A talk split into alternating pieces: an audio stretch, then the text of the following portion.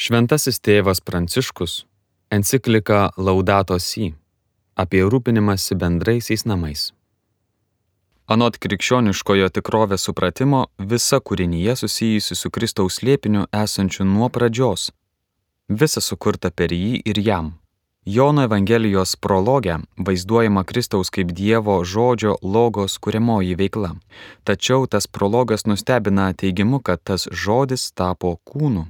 Vienas iš trejybės asmenų įžengė į sukurtą į kosmosą dalydamasis jo lemtimi iki kryžiaus.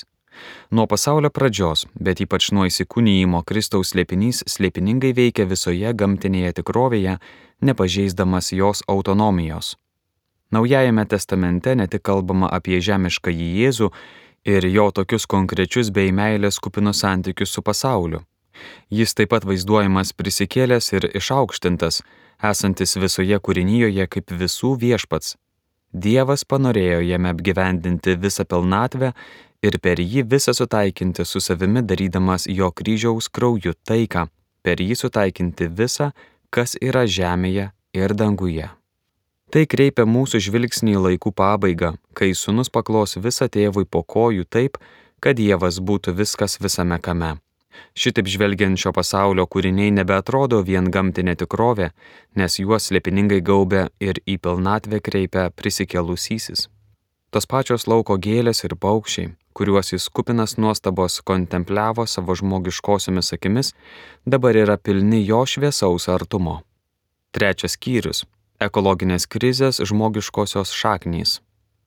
Simptomų nusakymas naudos neduos, jei nepažinsime ekologinės krizės žmogiškųjų šaknų.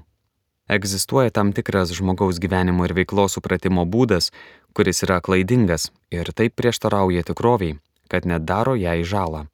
Kodėl mums nestaptelijus ir jo neapmaščius? Siūlau dėmesį sutelkti vyraujančią technokratinę paradigmą ir žmogaus bei jo veiklos vietą pasaulyje. Technologija kūrybiškumas ir gale. Žmonija įžengia į naują epochą, kurioje technologijos gale verčia mus rinktis, kokiu keliu toliau žengti.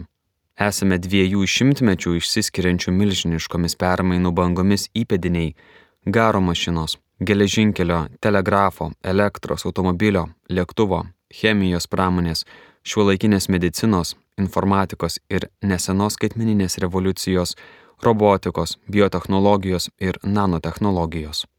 Paprastai galima džiaugtis tokią pažangą ir jausti užsidėgymą dėl didžiulių galimybių, kurias atveria šios nepaliaujamos naujovės, nes mokslas ir technologija yra įstabus Dievo žmogui dovanoto kūrybiškumo vaisius.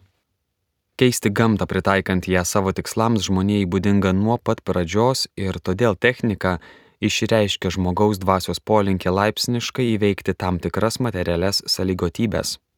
Technologija padėjo įveikti nesuskaičiuojamas blogybės, kamavusias ir ribojusias žmogų. Negalime nebranginti pažangos pirmiausia medicinos, inžinerijos ir komunikacijos rytise ir nebūti už tai dėkingi. Ir kaip nepripažinti pastangų gausybės mokslininkų ir technikų, išplėtojusių darnų vystimasi įgalinančių alternatyvų. Tinkamai orientuoti techniniai mokslai geba ne tik pagaminti tikrai vertingų, žmogaus gyvenimo kokybę pagerinančių daiktų, pradedant namų apyvokos reikmėmis ir baigiant transporto priemonėmis, tiltais, pastatais, viešosiomis erdvėmis, bet ir kurti grožį bei įgalinti į materialų pasaulį panirusi žmogų atlikti šuolį į grožio aplinką. Argi galima neikti lėktuvo ar dangoraižio grožį? Taikant naujas techninės priemonės sukurta vertingų vaizduojamojo meno ir muzikos kūrinių. Gamintojui siekiant grožio, o žiūrovui grožį kontempliuojant įvyksta šuolis tam tikros tikrai žmogiškos pilnatvės link. Vis dėlto negalime ignoruoti, kad branduolinė energija, biotehnologija, informatika, mūsų pačių DNR pažinimas ir kiti gebėjimai, kuriuos įgyjome, suteikia mums labai didelės galios.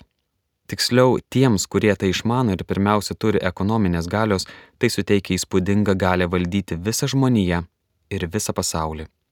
Niekada žmonija neturėjo tiek galios savo pačios atžvilgių ir regint, kaip ją naudojamasi dabar, niekas negarantuoja, kad ji bus panaudota deramai.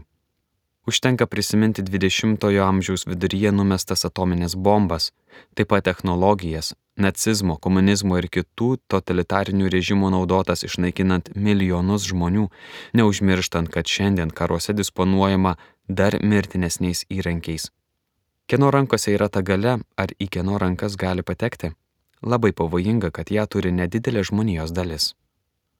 Linkstama tikėti, jog kiekvienas galios padidėjimas yra tiesiog pažanga, kad tai suteikia didesnį saugumą, naudą, gerovę, gyvybinę jėgą, vertybinę pilnatvę. Tarsi tikrovė gėris ir tiesa spontaniškai rastusi iš technologijos ir ekonomikos galios. Faktas yra tai, jog šiuolaikinis žmogus nemokamas tinkamai naudotis gale, nes milžiniško technologijos augimo nelydėjo žmogaus vystimasis atsakomybės, vertybių ir sąžinės lygmenių. Kiekvienoje epochoje linkstama tik į menką savo paties ribų pažinimą. Todėl galimas daiktas, kad žmonija nesuvokia iškilusio iššūkio rimtumo. Taigi, žmogaus galimybės blogam naudoti savo galę nepaliaujamai didėja, o laisvės normų nėra, tai yra tik tariami naudingumo ir saugumo poreikiai, Žmogus nėra visiškai autonomiškas, kai jis pasiduoda akloms pasąmonės, tiesioginių poreikių, savanaudiškumo, žiauraus smurto jėgoms, jo laisvės susirga. Šia prasme jis yra nuogas ir išstatytas savo paties nepaliaujamai didėjančios galios valiai, be jokių priemonių jai kontroliuoti. Galbūt yra paviršutiniškų mechanizmų, tačiau galima konstatuoti, jog stokojama pakankamai solidžios etikos, kultūros ir dvasingumo, galinčių tikrai nustatyti ribas ir priversti skaidriai save tramdyti. Technokratinės paradigmos globalizacija. Pagrindinė problema yra kita ir dar gilesnė - būtent tai, kaip žmonija iš tikrųjų perėmė technologiją bei jos plėtrą iš vien su homogeniška ir vienamatė paradigma. Tokioje paradigmoje pabrėžiama subjekto, kuris loginio racionalaus proceso metu vis geriau perpranta ir per tai įvaldo išorinį objektą sampratą. Toks subjektas kleidžiasi įtvirtindamas mokslinį metodą su jo eksperimentiniais bandymais. Metodą, kuris pats savaime jau yra turėjimo, valdymo ir keitimo technika.